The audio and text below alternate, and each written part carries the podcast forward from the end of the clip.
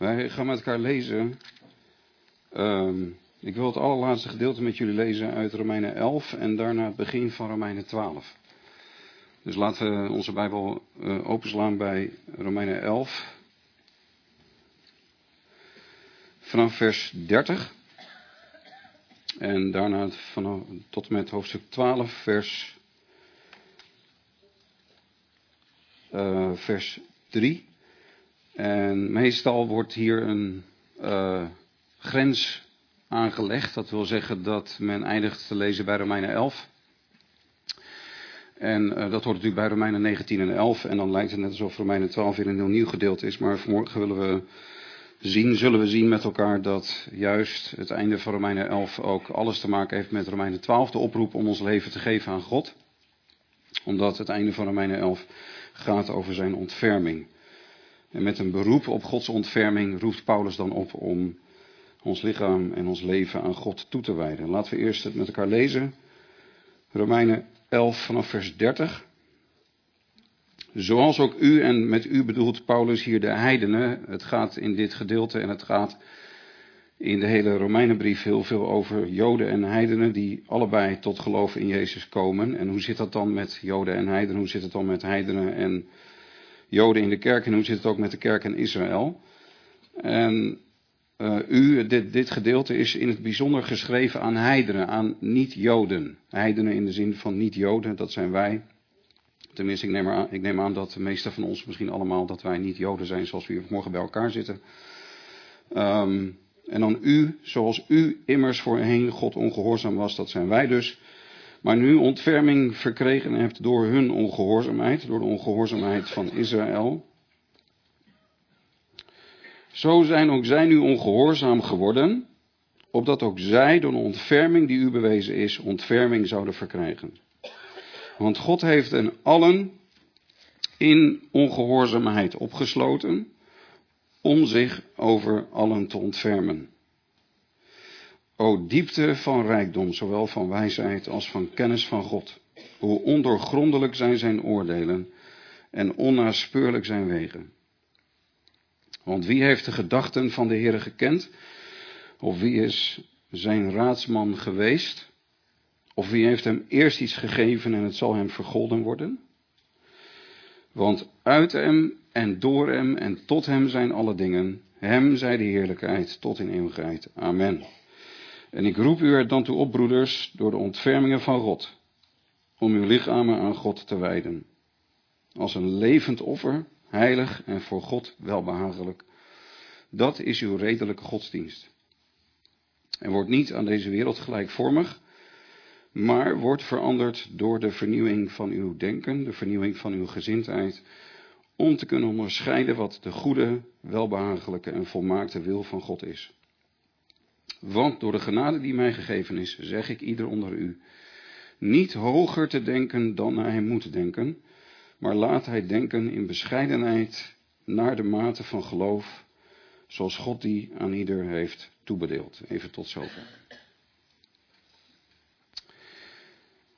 Paulus uh, schrijft aan de gemeente te Rome. En de gemeente te Rome is begonnen door Joodse mensen die aanwezig waren op de eerste Pinksterdag. We lezen namelijk dat er ook Joden uit Rome in Handelingen 2 aanwezig waren. En Paulus is dus niet de stichter van de gemeente in Rome. Hij heeft niet deze gemeente opgericht, maar deze gemeente is ontstaan door Joden die in de diaspora woonden. En in het begin was deze gemeente dus puur Joods. Alleen maar Joden die in Jezus geloofden. Zoals wij, trouwens de hele gemeente was in het begin alleen maar Joods. De hele vroege gemeente was een Joodse gemeente. En het christendom onder de niet-Joden bestond nog niet.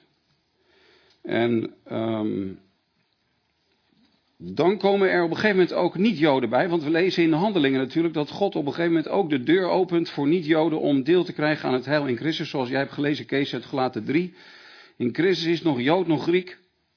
In die zin dat de behoudenis niet is voorbehouden aan het Joodse volk.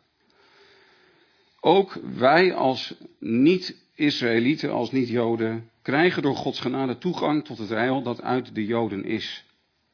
En zo ook gebeurt het in de gemeente in Rome dat ehm, dat er niet Joden bij komen. Dan lezen wij later dat in de tijd van een bepaalde keizer, dat staat in handelingen 18, Claudius, keizer Claudius, moeten alle Joden Rome verlaten. Waaronder ook Priscilla en Aquila. En dan blijft er dus alleen maar de niet-Joden blijven over in de gemeente te Rome. Eerst heb je dus alleen maar Joden in de gemeente, dan komen de niet-Joden erbij. Dan moeten alle Joden weg uit Rome, waaronder ook de Joden die in Jezus geloofden. hou je dus alleen maar heiden over in de gemeente. En daarna, na een aantal jaren, mogen de Joden weer terugkeren naar Rome. Komen alle Joden en ook de vroegere Joodse leiders weer terug in de gemeente. Krijg je heel veel discussie in de gemeente over hoe zit het nou toch met Jood zijn en niet Jood zijn ten aanzien van de behoudenis. Dit is de achtergrond van de brief aan de Romeinen. Alle thema's in de brief aan de Romeinen, hoe zit het nou met de wet, hoe zit het met de besnijdenis, hoe zit het met hoe je behouden wordt, hoe word je gerechtvaardigd, hoe krijg je een rechtvaardige positie voor God. En hoe zit het met de kerk en met Israël? Dat is allemaal vanuit deze achtergrond natuurlijk. Heel veel van het Nieuwe Testament, veel van de brief van Paulus hebben hiermee te maken. En Paulus die heeft het heel moeilijk met één ding. Er is één iets wat hem voortdurende droefheid van binnen geeft. Het is een zware last op zijn hart. Een grote bron van droefheid. Een voortdurende smart voor zijn hart. Paulus loopt, loopt rond sorry, met een diepe innerlijke pijn. En die innerlijke pijn is dat zoveel van de Joden in zijn tijd niet zien dat Jezus de Messias is. Zoals hij het zelf ook heel lang niet gezien heeft, maar later is hem Christus geopenbaard. Maar zoveel van de Joden, natuurlijk zijn er honderdduizenden Joden tot geloof in Jezus gekomen in de eerste tijd. En de, de menigte die achter Jezus aanliepen, zoals wij lezen in de Evangelie, dat waren ook allemaal Joden. Dus Jezus is uitermate populair geweest in Israël. Maar het lijkt wel met name als de deur ook geopend wordt voor de niet-Joden om ook deel te gaan uitmaken van die gemeenschap die beleidt dat Jezus de Messias van Israël is. Het lijkt wel alsof wanneer die niet-Joden er ook bij beginnen te komen, dat er steeds minder Joden zijn die erbij komen. En uiteindelijk is het overgrote deel van het Joodse volk dat Jezus niet accepteert. En dat maakt Paulus ook mee als hij eerst naar de synagoge gaat. Hij zoekt altijd eerst de Joden op en daarna gaat hij naar de heidenen. Omdat de Joden hem afwijzen, gaat hij naar de heidenen. Door hun val is rijkdom naar de heidenen gekomen. Zo is het gegaan. Maar hij zit ermee. En hij huilt erom. Jeremia huilde om het ongeloof van Israël. Jezus huilde om het ongeloof van Israël. En over wat er met Jeruzalem zou gaan gebeuren. En Paulus huilt om het ongeloof van Israël kunnen wij ook soms huilen om het, om ongeloof van mensen. Kennen wij dat misschien een beetje, dat we ook echt kunnen huilen omdat mensen in duisternis leven, omdat mensen Jezus niet kennen die het licht van de wereld is. Omdat mensen in zedeloosheid, in immoraliteit, in, in, in godloosheid, in vreselijke ellende terechtkomen zonder God. Dat is wat Paulus had. Het kennen van Jezus leidt soms ook tot diepe droefheid en smart. Met een diepe bewogenheid voor zielen. Dat is wat Paulus had. Met name voor Israël. Dus het afwijzen van. Uh, het afwijzen door Israël van Jezus. mag de kerk nooit antisemitisch maken. maar behoort de kerk te vervullen met een diepe, diepe bewogenheid voor Israël. Zoals Paulus had en zoals Jezus had. Het feit dat zoveel Joden Jezus niet hebben aangenomen is gebruikt als een excuus om Israël te vervolgen in de tijd, in de geschiedenis van de kerk. Maar de Bijbel leert anders. Diepe, diepe bewogenheid. Speciaal voor Israël, want het heil hoort natuurlijk bij hen. Het heil dat uit de Joden is, het heil door het geloof in de Joodse Messias, hoort natuurlijk bij Israël. Als het bij één volk hoort, dan is het wel bij Israël. En daarom behoort ook ons hart vervuld te worden met een diepe bewogenheid voor Israël. Maar dan zit Paulus, hij heeft daar jaren over nagedacht.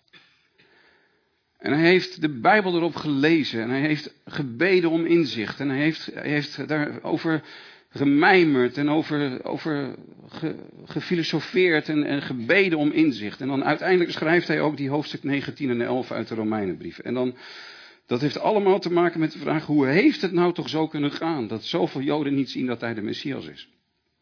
Want zij hadden toch al die profetieën en zij hadden toch de tabernakel in de tempeldienst waarin bij uitstek naar voren komt dat het is door het bloed van het lam dat wij vergeven worden. Hoe kan het dan dat ze het niet zien? En dan komt hij met verschillende antwoorden op die vraag. En die ga ik niet allemaal noemen nu, maar we kijken vooral naar dit laatste waar Paulus op uitkomt. En er wordt, weet je, op een gegeven moment toen trof mij wat Paulus hier schrijft. Als hij dan notabene zegt, en dat bepaalt ons vanmorgen ook bij de soevereiniteit van God. Dan zegt Paulus notabene, hij heeft en nu allen onder de ongehoorzaamheid besloten om zich over hen allen te ontfermen. Waar hij op uitkomt is dit. Kijk, dat wij als heidenen, als niet-Joden, die niet het woord van God hadden gekregen, die niet de profeten hadden, waardoor God zich heeft, geopen, sorry, heeft geopenbaard en heeft gesproken. Wij als heidenen die in afgoderij leefden, ook de mensen die in dit deel van de wereld woonden, voordat het evangelie kwam in dit deel van de wereld, leefden de volkeren hier in pure afgoderij. Kijk, dat wij als niet-Joden, die niet de wet van God hadden, die niet probeerden om naar de Torah, naar de wet van God te leven, die niet al die geschiedenis, die, die geweldige geschiedenis die God met Israël heeft gehad. Kijk, dat wij natuurlijk uit diepe duisternis komen. En dat wij geen recht hebben op dat heil. Dat wij de plank hebben misgeslagen, dat mag duidelijk zijn. Wij waren heel ver weg, zegt Paulus in Efeze 2. En als je christen bent geworden, dan begrijp je iets van waar je vandaan komt. Je komt uit een toestand van geestelijke dood. Je komt uit een toestand van rebellie, van vijandschap jegens God. Je komt uit een leven van ongehoorzaamheid, van afdwalen van Gods leefregels. Je had geen licht in je denken, er was geen licht in je hart. Het was dood en het was duister. Maar God heeft zich over ons ontfermd in Christus. Het licht is gaan schijnen in ons leven. Wij, zelfs wij die zo ver weg waren. Zelfs wij die niet die openbaring van God hadden gekregen. Wat is het een, wat is het een voorrecht? Dat is helemaal wat, wat Paulus, wat ook ademt uit deze hoofdstukken van de brief aan de Romeinen. Dat, dat het zo'n groot voorrecht voor ons is dat wij in die edele olijf geënt mogen zijn. Dat notabene natuurlijke takken afgesneden zijn, zodat wij als wilde takken op die edele olijf geënt konden worden. Wat een voorrecht dat wij erbij mogen horen. Wij waren ongehoorzaam, maar door de ontferming van God hebben wij een ander leven gekregen. Gratis en voor niks in Christus Jezus. En daarom zullen wij als heidenen die in Jezus geloven, zullen wij nooit ons op de borst slaan. En zullen wij nooit zeggen, ik heb het goed gedaan. En ik verdien het. En ik, ik heb er recht op. Maar het is genade alleen. En nou zegt Paulus notabene, nu heeft Israël ook de plank misgeslagen. Het is bij de heidenen natuurlijk helemaal misgegaan. En die zijn in grote zonde terechtgekomen, maar nu notabene ten aanzien van hun eigen Messias is het zo gegaan. Dat velen van hen hem niet zien, hem niet geloven, niet in hem geloven, hem afwijzen. Nu heeft God, zegt Paulus hier, nu heeft God ook Israël in de ongehoorzaamheid besloten. Dat is een heel apart vers wat Paulus hier schrijft. God heeft er nu ook voor gezorgd. En dat is natuurlijk, dat snappen wij niet. Dat is ook de soevereiniteit van God en de verantwoordelijkheid van de mens. Dat kunnen wij niet bij elkaar krijgen, maar de Bijbel leert allebei. Maar de soevereiniteit van God is een rode draad in deze hoofdstukken van Paulus. En dan zegt Paulus, God heeft nu ook hen onder de ongehoorzaamheid besloten om uiteindelijk zich ook over Israël te ontfermen. Want Paulus leert in dit gedeelte dat er een tijd gaat komen dat Israël tot geloof en bekering zal komen. Dat de schellen uiteindelijk van de ogen zullen vallen bij het hele volk Israël. En dat er een tijd gaat komen dat heel Israël behouden zal worden. Dat de natuurlijke takken weer en geënt zullen worden op hun edelo lijf. dat er een grote opwekking onder Israël gaat plaatsvinden. De Romeinen 11 leert de bekering van de Joden in het einde der tijden. God zal zich over hen ontfermen. En dan eindigt Paulus met het soli deo gloria. En weet je, de crux zit hem in dat ene laatste vers. Wie heeft hem eerst iets gegeven en het zal hem vergolden worden? Zo werkt het niet bij God. Kijk, voor ons geldt dat. We hebben hem niets gegeven waardoor wij behouden worden. Werkt het zo bij God dat wij hem onze gerechtigheid geven? Dat wij hem onze gehoorzaamheid geven? Kunt u vanmorgen aan God uw gehoorzaamheid aanbieden? Kunt u vanmorgen aan de Heer uw heiligheid aanbieden, uw reine art, uw onberispelijkheid, uw volmaakte christelijke leven? Hebben wij, hebben wij hem iets gegeven waardoor het ons vergolden wordt? Nee. Wat een heerlijke boodschap is dit. Dit is de boodschap van vrije genade. Weet je, wij zitten hier vanmorgen als onvolmaakte mensen. Wij hebben gewaald, ook afgelopen week. Misschien ben je vanmorgen naar deze kerk gekomen en heb je gedacht, ja, weet je, het is echt niet goed gegaan deze week in mijn leven. De worsteling in mijn huwelijk. De worsteling in mijn persoonlijke leven. Ik heb niet altijd mezelf verlogend deze week, weet je. We zijn nog niet gearriveerd. We zijn nog niet zoals we zouden moeten zijn. Maar de boodschap van vanmorgen uit dit gedeelte van de Bijbel is, wij kunnen hem, zelfs als je al 30 jaar opnieuw geboren bent, zelfs als je al 30 jaar met Jezus wandelt, kun je hem nog steeds niet prachtige dingen aanbieden. En dan beloont God jou en dan vergeldt God jou voor de schitterende dingen die je hem aanbiedt. En dat je daarom een levende relatie met God hebt. Nee. Weet je, we worden niet vergolden naar onze werken in die zin dat die levende relatie met God ons gegeven wordt omdat wij Hem onze goedheid en onze gerechtigheid aanbieden, maar het is uit Hem, door Hem en tot Hem. En er gaat een tijd komen dat ook Israël dat zal zeggen. Weet je, nu heeft Israël ook de plank misgeslagen, maar dat zal er uiteindelijk toe leiden dat ook Israël zich diep zal verootmoedigen dat ze zullen zeggen, het is niet onze gehoorzaamheid aan de Torah. Het is niet onze gerechtigheid. En dat ze zullen weeklagen over Jezus, zoals Zacharia 12 leert. Ze zullen hem, over hem weeklagen, zullen over hem rouwen als over een eerstgeboren zoon die verloren is. Dus over een kind dat je verloren bent, wat een verdriet, wat een rouw is dat als je een kind bent verloren, zo zal Israël uiteindelijk rouw klagen over het feit dat ze hem doorstoken hebben. En zo rouwen wij ook om het feit dat wij hem doorstoken hebben. Want ook door mijn zonde is hij gestorven. Met andere woorden, lieve mensen, de boodschap van vrije genade. Dat je vanmorgen hier vandaan mag gaan. Met de volkomen zekerheid. Dat het goed is tussen God en jou. Om Jezus wil. Um, en dat je mag weten dat, je, dat God je aanziet in zijn zoon als iemand die nooit heeft gezondigd. En die geen straf verdient.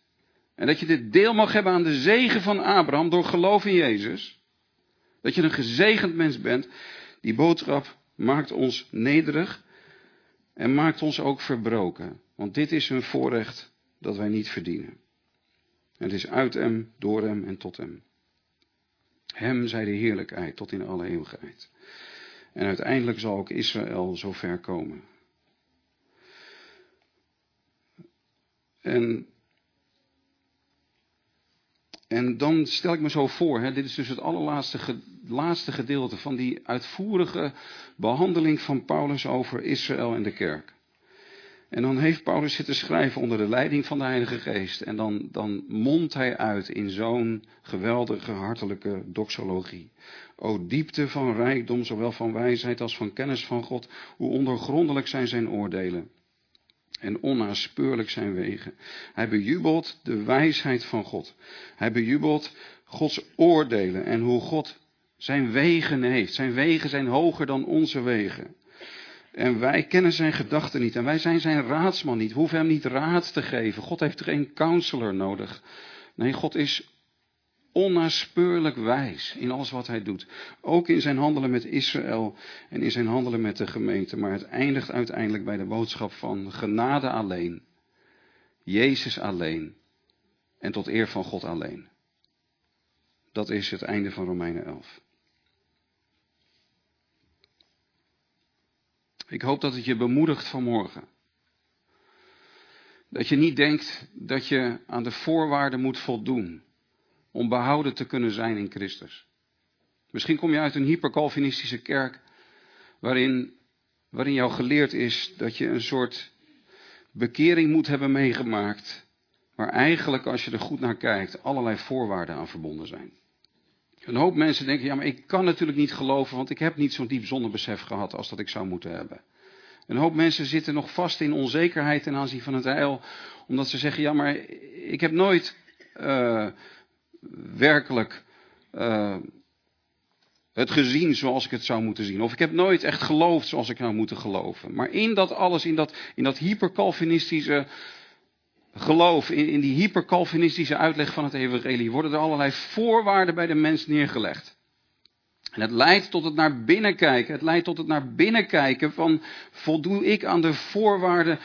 Ben ik wel tot bekering en tot geloof gekomen zoals ik tot bekering en geloof zou moeten komen? Maar dat is, dat is een bedekking over het evangelie. Paulus zegt eer, hebben wij hem eerst iets gegeven en het zal ons vergolden worden. Wij bieden hem zelfs niet ons geloof aan. Wij bieden hem zelfs niet ons berouw aan. Wij bieden hem niet onze tranen aan. Wij bieden hem niet onze bekering aan. Wij bieden hem niet onze bevinding aan. Daar zit het hem niet in. Dat is allemaal naar binnen kijken. Allemaal voorwaardelijk. En dan is het maar voor een klein gedeelte van de gemeente om zeker te mogen weten dat je behouden bent. Maar de boodschap is: kijk naar buiten. Kijk naar Jezus. Hij heeft het voor je verdiend. Hij heeft de wet voor jou vervuld. Hij heeft jouw straf gedragen. Hij is in jouw plaats veroordeeld. Hij is vervloekt in jouw plaats. Hij is jouw dood gestorven en hij is voor jou opgestaan uit de dood. Het antwoord is niet naar binnen kijken. Doe ik het wel goed genoeg? Heb ik wel genoeg geloof? Zelfs ons geloof is niet een werkje wat wij doen waar, waarvoor wij dan beloond worden met de rechtvaardiging. We bieden hem zelfs niet ons geloof aan, waardoor wij vergolden worden met de rechtvaardiging. Het is alleen maar Christus. Dus kijk naar Jezus. En dat leidt ons tot verbrokenheid. Weet je, als we kijken naar Jezus, als we zien dat God de Zoon, die in het vlees is gekomen, in onze plaats, terwijl wij hem met vuisten sloegen, terwijl wij hem in het gezicht spuwden, terwijl wij hem een doornenkroon opzetten, terwijl wij zeiden weg met hem, terwijl wij hem niet moesten, terwijl wij vijanden van God waren, terwijl wij in opstand kwamen tegen zijn onderwijs, terwijl wij hem gekruisigd hebben, heeft Jezus, God de Zoon, ons, mij, lief gehad door zijn leven voor mij neer te leggen tot in de dood. Hij vergaf de hand die hem sloeg. Hij stierf voor mij, vijand van hemzelf. Hij had mij zo lief dat hij mij, terwijl ik zijn vijand was, zo lief had dat hij bereid was om voor mij te sterven. Mijn hart was vol met kwaad. Maar Jezus zag mijn toestand. En hij kwam naar me toe en hij zegt: Ik zal sterven voor dat kwaad in jouw leven. Om jou daarvan te bevrijden. Als we dat werkelijk begrijpen, dan maakt ons dat uitermate nederig. Dat leidt tot verbrokenheid. Dan zeg je, Heere God, u bent te goed voor mij, dit verdien ik niet. U geeft mij veel en veel en veel meer dan ik verdien. Dit is een te grote gunst. Dit, dit is niet normaal meer. Dat u zo met mij omgaat. Volkomen onlogisch. Dat leidt tot verbrokenheid. En dan zeg je, Hem zij de heerlijkheid tot in alle eeuwigheid. Want het is niet uit mezelf. En het is niet door mezelf. En het is niet tot mezelf. Maar het is uit Hem en door Hem en tot Hem. Het is Hem alleen. Dit is het evangelie van Gods vrije genade. En dan zegt Paulus daarna, ik roep u dan op, broeders, door de ontfermingen van God. Om uw lichamen aan God te wijden. De oproep om je leven aan God te geven en om niet meer voor jezelf te leven, vloeit voort of komt na het prediken van Gods genade. Het is vanwege de ontfermingen van God. Als wij vanmorgen hier bij elkaar zitten en we zeggen met elkaar: O Heere, hoezeer heeft u zich over mij ontfermd? U heeft mij gered van de dood, u heeft mij gered van de hel. U heeft mij gered uit de duisternis. U heeft mij gered van de vervreemding van uzelf en van mijn medemens en, en van mijzelf. U heeft mij uit die toestand van vervreemding heeft u mij weggetrokken. U heeft zich over mij ontfermd.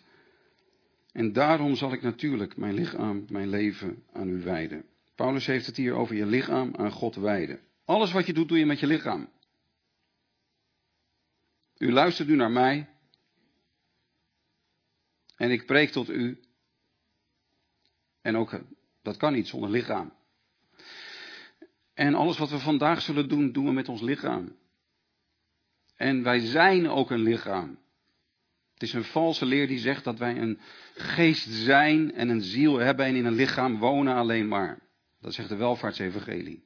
Het zegt wij zijn een geest, we hebben een ziel en we wonen in een lichaam. Nee, we zijn een geest, we zijn een ziel en we zijn een lichaam.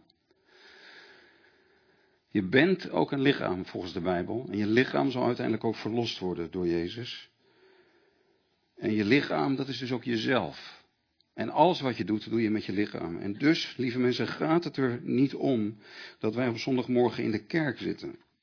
Het christelijke leven wordt niet geleid door kerkgang. Het is prachtig dat we hier vanmorgen bij elkaar zijn. Het is een goede gewoonte. Het is belangrijk dat we onze onderlinge samenkomsten niet verzuimen. Het is belangrijk dat we als gemeente bij elkaar komen. Maar als jouw christen zijn alleen maar bestaat uit het op zondagmorgen in de kerk zitten, dan ben je geen christen. Je wordt christen door te begrijpen wat Jezus voor je deed aan het kruis. En dan met Paulus te zeggen: Oh, die diepte van die wijsheid en die rijkdom van genade van God. Om met Paulus tot, tot aanbidding te komen. En neer te knielen aan de voet van het kruis. En te zeggen, Heer, u bent veel te goed voor mij. En dat je dan vanuit een begrijpen van die liefde. Dat je tegen God zegt, hier ben ik. Ik leef voortaan mijzelf niet meer. Het draaide allemaal om mijzelf. Het was ik, mij en mezelf. Het was uit mij, door mij en tot mij. Maar nu begrijp ik wat u voor mij gedaan heeft en ik begrijp wie u bent. En vanaf nu, heren, geef ik mij aan u en leef ik voor u in alles wat ik doe en meemaak. En is het uit u, door en tot u. Dat is de bekering. Dus of wij christen zijn, wordt niet bepaald door of wij hier elke zondagmorgen naar binnen stappen. Maar of wij christen zijn, wordt bepaald door de vraag of wij ons leven aan God wijden. In alle roepingen die er zijn in het leven, dat wil je niet zeggen dat je geestelijker moet worden of zo. Maar ieder van ons heeft een eigen roeping in dit leven. Maar in dat alles leef je voor Hem. En ben je verlost van zelfzucht. En ben je verlost van ijdelheid waarin het draait om jouw eer. En dat jij een prachtig leven moet hebben. En ga je wandelen in aanbidding. Dat is de kern. De kern is aanbidding. Het christelijke leven is aanbidding. Daarom zegt Paulus ook: je lichaam aan God wijden als een levend offer, heilig en voor God welbehagelijk. Dat is allemaal taal uit de tempeldienst. Dit is uw redelijke godsdienst. Dit is uw redelijke aanbidding. De vraag van morgen is: of jij en ik hier zijn met een hart dat zichzelf aanbidt, of een hart dat God aanbidt. Het is één van beide. Serieus. Er is geen middenweg. Of je leeft voor jezelf, of je leeft voor God in alles wat je doet. En heiliging is niet dat je alles volmaakt doet. Levensheiliging is niet dat je je aan de christelijke cultuur houdt, dat je zo goed mogelijk je aan de wet houdt. Dat je niet meer vloekt. En dat je de ergste zonde weet te vermijden. En dat je nu naar de kerk gaat. Weet je, het zit hem niet vooral en ten diepste in je, in je gehoorzaamheid. Ja, die, die hoort er helemaal bij natuurlijk. Je, natuurlijk stop je met vloeken. En natuurlijk stop je met, met zondigen. Dat wil je niet meer. Natuurlijk ga je, ga je een ander leven leiden. Maar je kunt keihard proberen een ander leven te leiden. En je aan alle christelijke regels te houden. En je aan de wet te houden. Maar als je in dat alles nog steeds voor jezelf leeft. Dan leef je nog in pure afgoderij. Daarom zegt Paulus ook. Koester geen gedachten hoger dan uw voegen. Ieder onder u moet niet hoger denken dan hij moet denken. Laat hij denken in bescheidenheid. Het kenmerk van een christen is bescheidenheid. Is verbrokenheid. Is dat je sterft, gestorven bent en blijft sterven aan, aan zelfaanbidding. Dat betekent, lieve mensen, dat soms wordt er in de kerk meer gezondigd dan in de kroeg. Het zit er niet in dat je nooit in een kroeg zit. Het zit er niet in dat soort christelijke cultuurregels die wij vaak verzonnen hebben. Je kunt met een puur aanbiddend hart in de kroeg zitten. Alleen maar voor God. Je kunt voor God in de kroeg zitten. Met een hart dat rein is. Met een hart dat voor Hem leeft. Dat Hem lief heeft en dat verbroken voor Hem is. En dat van Jezus wil getuigen omdat Jezus je heiland en verlosser is. En je kunt met een zeer onrein hart in de kerk zitten omdat je gewoon helemaal geen verbrokenheid hebt. En omdat je helemaal niet Jezus echt aanbidt. En omdat je eigenlijk in alles, in al je bezigheid en in al je streven nog steeds zo ontzettend gebonden bent aan jezelf. Voortdurend bezig met jouw leven, jouw succes, jouw geluk, jouw fijne gevoelens in dit leven, maar geen aanbidding. En soms ben ik wel eens bang dat wij echt in een spiritualiteit zijn terechtgekomen die daardoor eigenlijk door en door zondig is. Echt, want ik, ik hoor zoveel over jouw dromen en God zal je helpen om jouw dromen te verwezenlijken. Ik hoor zoveel over God heeft dit plan voor je leven en al die problemen die wil God voor jou oplossen. En ik hoor zoveel over jouw identiteit en wie jij mag zijn en wie jij mag worden in Christus. En het draait allemaal om jou en ik en mij en ons. Zoveel over onszelf. Echt, ik word er echt soms niet goed van, serieus. Het is zo tegengesteld aan de spiritualiteit van de Bijbel. Ik ben nu een boek aan het lezen van een man. Die leefde in de eind 17e en, en tot en met halverwege de 18e eeuw. Nee, sorry, eind, eind 18e, halverwege 19e eeuw. Hij stierf in 1856. Eh, een man die tot geloof komt. Een man die onvoorstelbaar begaafd is en, en gewoon heel erg aan God verbonden gaat leven. Een man die in aanbidding gaat wandelen. En dan begint hij op te vallen overal waar hij is, als jonge man al.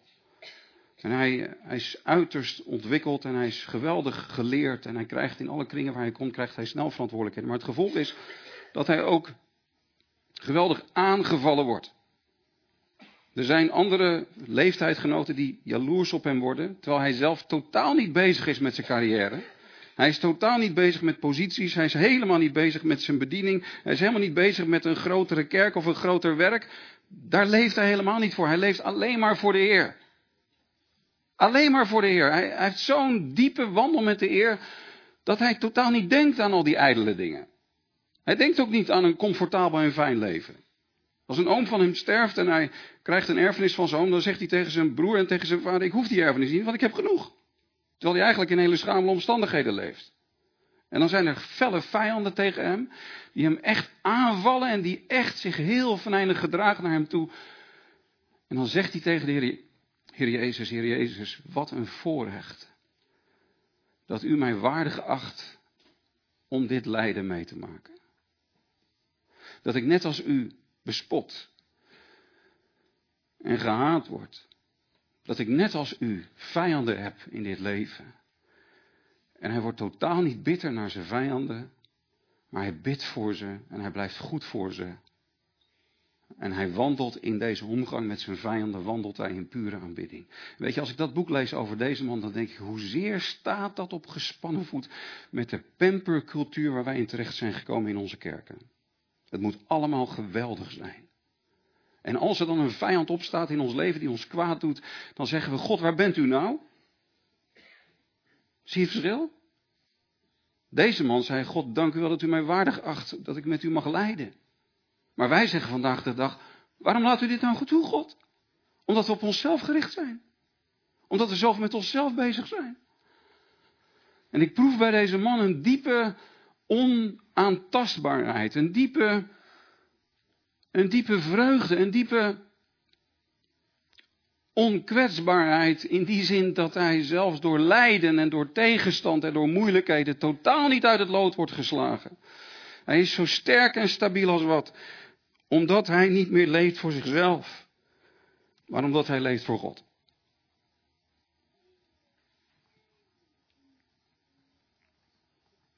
Dus sommige van de problemen die u hebt, sommige van de emotionele problemen die u hebt, en dat u zo moeite hebt met bepaalde dingen, en dat u zo moeilijk sommige dingen kunt accepteren, en dat u misschien zoveel wrok ook koestert van binnen vanwege dingen die zijn gebeurd. Misschien dat u wel heel boos op God bent vanmorgen. Misschien dat u heel boos bent op andere mensen in uw leven. Misschien dat u het heel moeilijk vindt om u te verzoenen met sommige broeders en zusters in uw leven. Misschien heeft het wel te maken met nog steeds zelfaanbidding. Maar Paulus zegt hier, denk niet hoger dan je moet denken. Denk in bescheidenheid.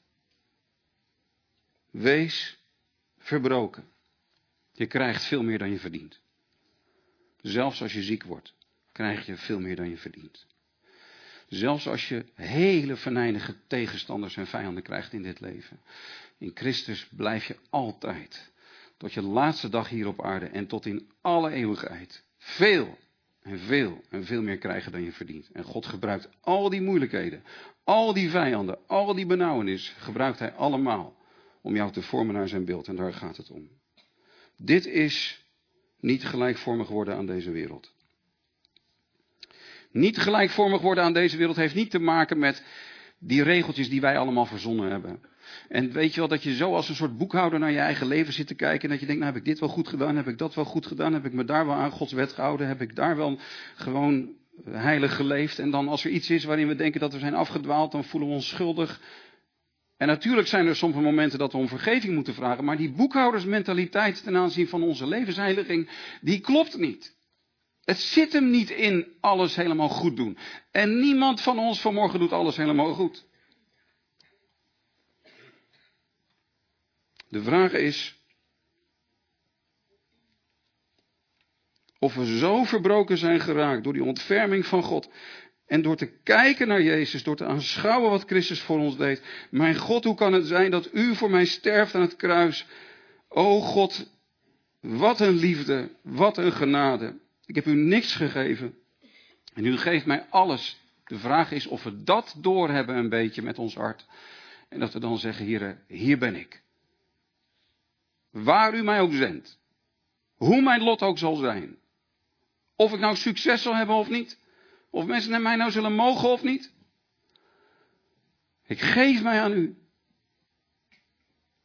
Ik leef voor u. Ik leef voortaan mijzelf niet meer. En oh, de vreugde van een leven in aanbidding. Ik ken zoveel mensen die voor mij een voorbeeld hierin zijn. Wij kennen dierbare broeders en zusters. Ik ken heel veel mensen. Ik heb het voorrecht om heel veel mensen te mogen ontmoeten. Want ik kom op heel veel plekken. En ik ken zoveel mensen die echt met God wandelen. Ik proef het aan hen. Ze wandelen in aanbidding. Ze hebben een geest van gebed. Ze zijn toegewijd aan de Heer. Ze houden van Hem boven alles. En ze zijn daardoor vervuld met de Heilige Geest. Wat een vreugde, wat een vreugde proef ik bij deze mensen. En die vreugde is ook voor jou weggelegd. Ook voor jou. Denk niet dat je leven volmaakt moet zijn. Denk niet dat je huwelijk volmaakt moet zijn. Denk niet dat je perfecte kinderen moet hebben. Denk niet dat je volkomen gezond moet zijn. Denk niet dat je een lang en gelukkig leven moet hebben. Stap af van de levensfilosofie, waarin het allemaal draait om ons eigen, ons eigen welzijn of gevoel. Maar leef voor God. En je zult een vreugde kennen die stand houdt in de meest moeilijke omstandigheden. Dat is niet gelijkvormig worden aan deze wereld. Dus laten we elkaar ook niet meer beoordelen op die uiterlijke dingen. Laten we stoppen met elkaar de maat te meten op grond van uiterlijkheden. En laten we gewoon proberen elkaars hart te proeven. Is er sprake van aanbidding? Dat is het leven met Christus. Jezus zei, eer van mensen zoek ik niet. En hij leerde ons om niet de eer van mensen te zoeken. En hij leerde zelfs ons om niet onze eigen goedkeuring te zoeken. Laat je linkerhand niet weten wat je rechterhand doet. Wees niet toeschouwer van je eigen gedrag. Kijk niet de hele tijd naar jouw bijdrage. Kijk niet de hele tijd naar jouw prestaties. Stop ermee te kijken naar wat anderen van je denken en vinden. Stop ermee te kijken naar wat je zelf van jezelf denkt en vindt. Maar zorg dat je maar één iemand hebt voor wie je leeft. Niet meer leven voor de mensen, niet meer leven voor jezelf. Maar er is maar één persoon de belangrijkste in ons leven. We have a single audience. U en ik hebben maar één echte toeschouwer. En dat is de God die ons heeft gemaakt, heeft gevormd, ons het leven geeft. En die in zijn zoon voor ons is gestorven aan het kruis. En daarmee zijn onbeschrijfelijke liefde voor ons heeft bewezen. We hebben maar één toeschouwer. Maar één voor wie wij leven in alles. Dat hij. Dit is je redelijke eredienst. Om op deze manier je lichaam en dus alles wat je doet aan God te wijden. Halleluja. Amen. Laten we samen bidden.